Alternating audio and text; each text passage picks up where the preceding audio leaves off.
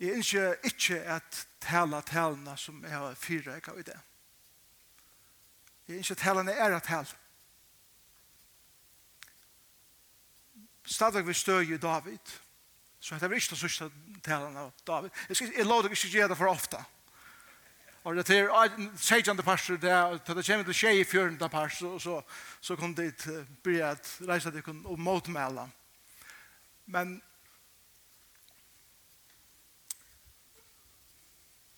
Jeg vet ikke hvordan tid her det, men jeg har det så løs kvarje postur. Det er et eller annet som henter i mer ta i palma sundar og kommer.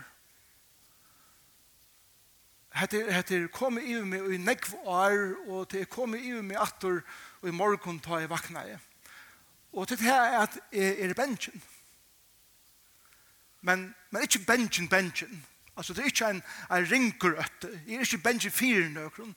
Men det er akkurat som om at jeg vil tidsen av andre gods. Og på andre måter så er det som andre gods vil heva med å komme visser og i djøkken om påskavikene.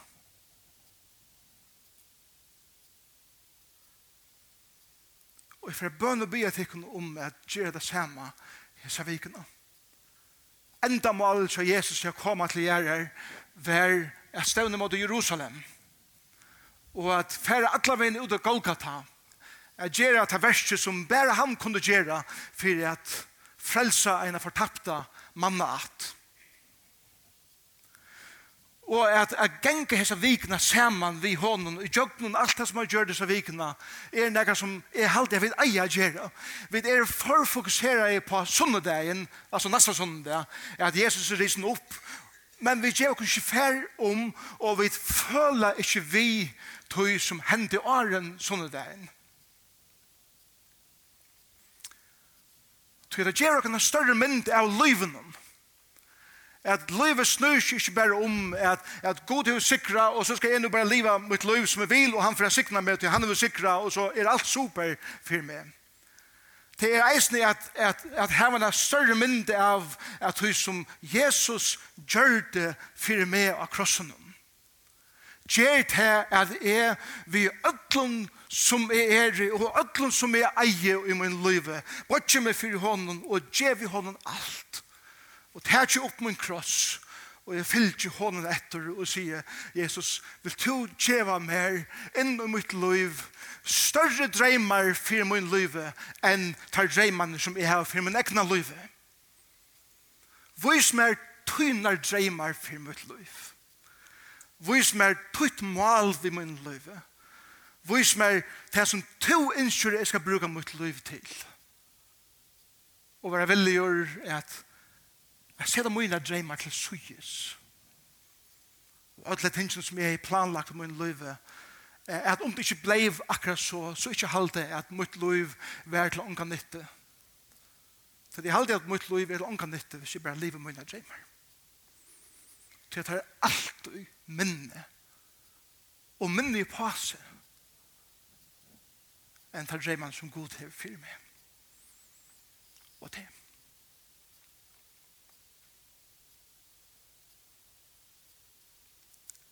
til det som påsken er jo. Han døg i fire. Jeg frelser okken. Og i frelsene er djeva okken syna dreymar for hvordan vi skulle leve akkurat liv til å sikne andre mennesker. David er eneste maver i Bibelen som er kallet for en maver etter Guds egna hjärsta. Hvor? Jeg har eit av sværen er nemlig at det at han sa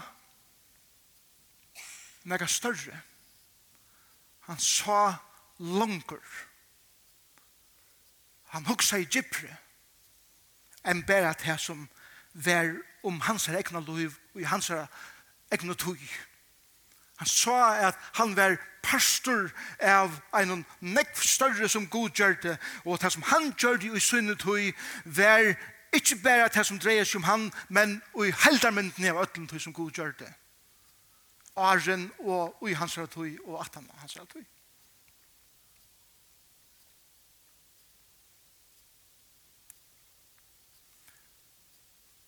Og der skulle vi lese fra 1. krønikebok 28-29. La meg lese ett vers 4 herfra.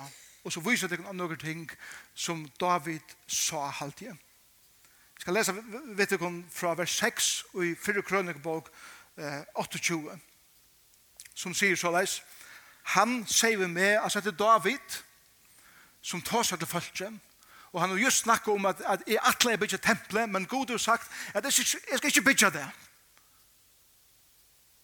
men nå sier han han altså god sier vi med sånn er Salomon Han er han, og jeg skal bytja hus og forgare munar. Så jeg har vi utvalgt han til son mun, og jeg skal være fægir hans herre. Og så er det særlig kjenda vers som jeg husker om. Jeg skal grundfesta kongadømi hans herre til evigjar tøyer, så satt som han og i troskapet støvot helder båmynne og lovmynner så leis som han gjør nu. Så gjør det. David visste at det var noe som var større enn tempelet. Det var kongadømme som skulle være til evigere tøyer. Det lyfte hei god give eh, David langt han blei konger og i ære Samuelsvåk. La meg lese til, til vers 4. Jeg forstår at til pjørs jeg slår opp med meg. Jeg skal bare lese noen vers 4. For jeg gjør dere helda myndene av det som David ser. Og i æret sammen som kapittel 6 sier uh, God såleis vi David. I vers 16. Og i atler æver skal hus og kongadømme tutt standa fast til fyrir asjan møyne. Til evjar tøyer skal hasa det tøyt vera grunnfest. Hva er hattar? Hattar den store dreimeren. Hattar Guds dreimer. At det som er gjerrig ut her er nega som er nek større enn to. Davids dreimer var tempelet. Det var det som han yngste. Men Gud sier David, tempelet, det er tymlet, Det er bygd og det er knust atter, men kongadømme er det store evige. Og David visste at jeg er en pastor av en nekk større mynd enn bare til Lutla, som er halde kanskje folk vil, vil imponere av et tempel til nekk som er nekk større. Lange i første Mosebog kapittel 3 ta i syndafatle vær, visste David, er god hei givet lyftet. Og han sier vi kvinna at det ser futsinskap i middel til og ormen som er satan. Han skal høgga til i helen, men to skal såra høtt hans herre. Hatt er den første profetien om det evige rydt som skulle være oppfyllt og i ta Jesus av krossen og røpte til er fullgjørst til den store mynden som Gud gjør dere, er at ein dag skal jeg etablera noe som ikke mennesker kan ta og knuse satans makt, og jeg viser meg som sier herre i vrøtlen.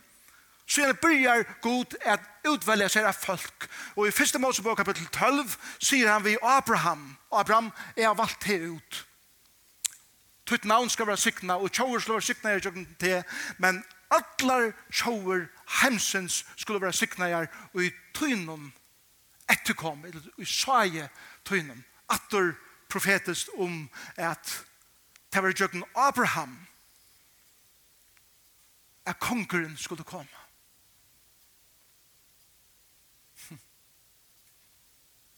Og nå fyrir det ned i attene, i familjene. Og tar det David fer hette lyfte. David, til tøynare at er uisers atten er kongeren skal komme soneren som skal komme i jøkken til kongeren som skal komme i jøkken til og skal bære kongadømme, ikke bare vujer i at naturens konger, men til evige kongadømme til alle ever skal være i jøkken til. Ikke fantastisk? Og i det er Palma sunnedagur. David levde i omleie tusen år fyrir krist. Slag vi meg opp på Matteus 21. Matteus 21. Og heiter ta Jesus kommer rujande inn i Jerusalem. Som beinta fortalte dere om eisne av brygjene møten.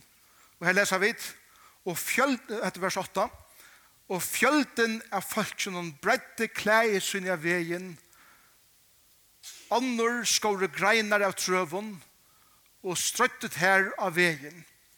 Folket som gikk undan og attana røpte, Hossi Anna, sonur, kvann, Davids. De visste at hette er sonuren som kom av de lyftene som god hei givet David. Og hette er han som nå fyrir å komme. Men Det var öll iverraskar. Til det hadde vant at annars slæ av konge. De ville sette en kongakrone i ham er styra ursensfølse.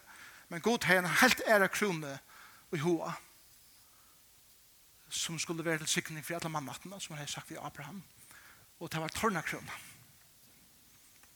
Og da de funnet her var det ikke den kongen som skal bjørke for romverjen, så det er krossfestan, og god sier akkurat. Det var min nattland. Tikkara lytle dreymor vera få en kong fra bjerget fra Romverjon. Min dreymor, min store dreymor, var å gjøre frelsara. A Å bjerget dere fra evigen fortapelse. Så jeg det Guds dreymar og atlander er alltid større enn okkara. Hvis vi bare ganger etter okkara dreymon, så kommer vi ångan til, til det som god atler i til og i okkara livet. Jeg en sykning for et menneske. Jesus er oppfyllingen og i lyften som han gav i første Mosebok 3, som han gav Abraham i første Mosebok 12, og som han gav David og i Ero Samansbok 6, og som David stedfeste i første krønebok 28, som kom til profetiske oppfylling i Mattias 21, og som en dag i fremtøyene. Som jeg skal lese for dere om begynnelsene kapittel 5 skal være stafest og i lampen. Og her leser vi i oppenberingene kapittel 5. Og vers 5 sier, og en av henne else sier vi med, heter Johannes, gråt ikke, leivan er at juta. Rådskott, kvars, mans, Davids, rådskott Davids hever sikra og kan leda upp bókrutluna og öll hinn tjei innsikli hendara. Hatt er bara vi ørn og ørn som Jakob sier ja At hon er givet alt vald og hemmelig og gjørs. Og ein bókrutla som er innsikla ver hei, hei vi myndelaika gjerra. Og til bara ein og allar manna søvne som hever oppe på det myndelagan og er når jeg kunne åpne til og heva alle myndelaga himmelig og gjør til er han som er kommet av at Davids. Hvor vil David kalle være medrett ved Guds egna hjärsta? Jeg har aldri hatt rett av sfæren. Han sa nega større enn bæra seg sjølvan. Han sa videre enn bæra sitt egna kongadøme. Han sa hakre enn han sjolver kundi hitja. Til god litt han opp og visste honom at tøyn tænasta og tøyne tøy er en pastor av en nekst større mynd så at ta ut og lære deg at huksa og i møynare mynd av det stora så fyrt her lytla som du kanskje å være så lite, være størst.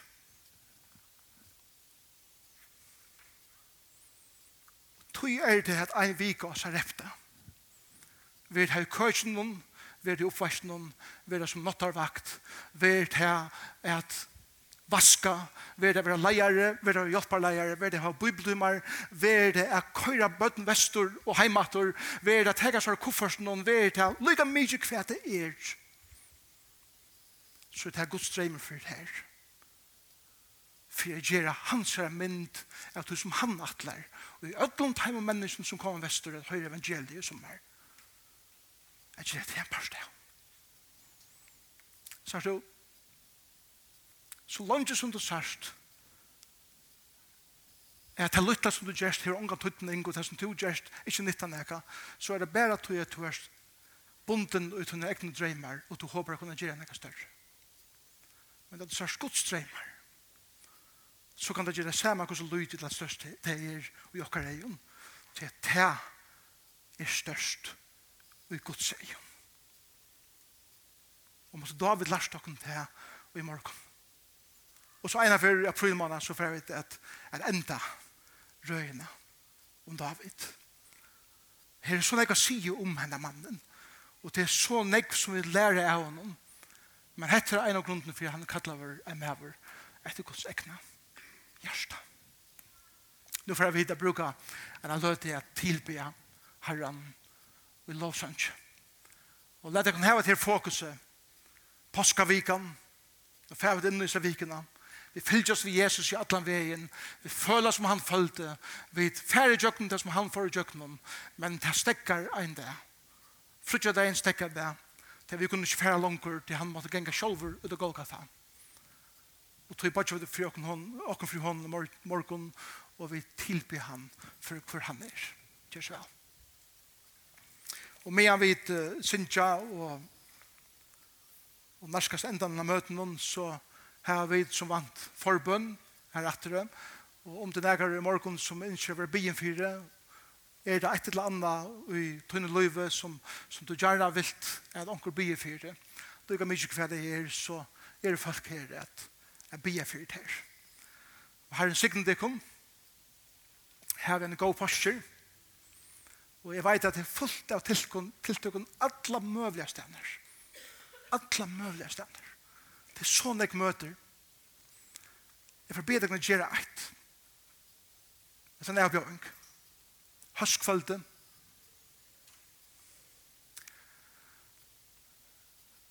Taljarsen sned ut det, sier at droppa møte. Men hos man annars lær møte.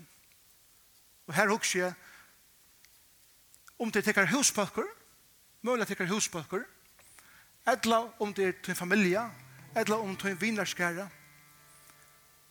Huxi om høstkvalde. jeg kommer sammen i noen heime,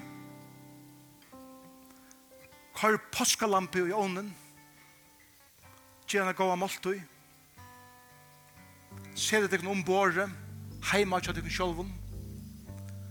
Tås om kontuttning påskalampe hever for te. Fra person til person om båret. Endes løten av vi tikkere bår. Vi har breibrodding. Jeg teker breinon og drekka av kærlesen sammen. Kanskje er det her et av beste møtet tjattikkon og tjokkon som fyrir vera hesa vikina.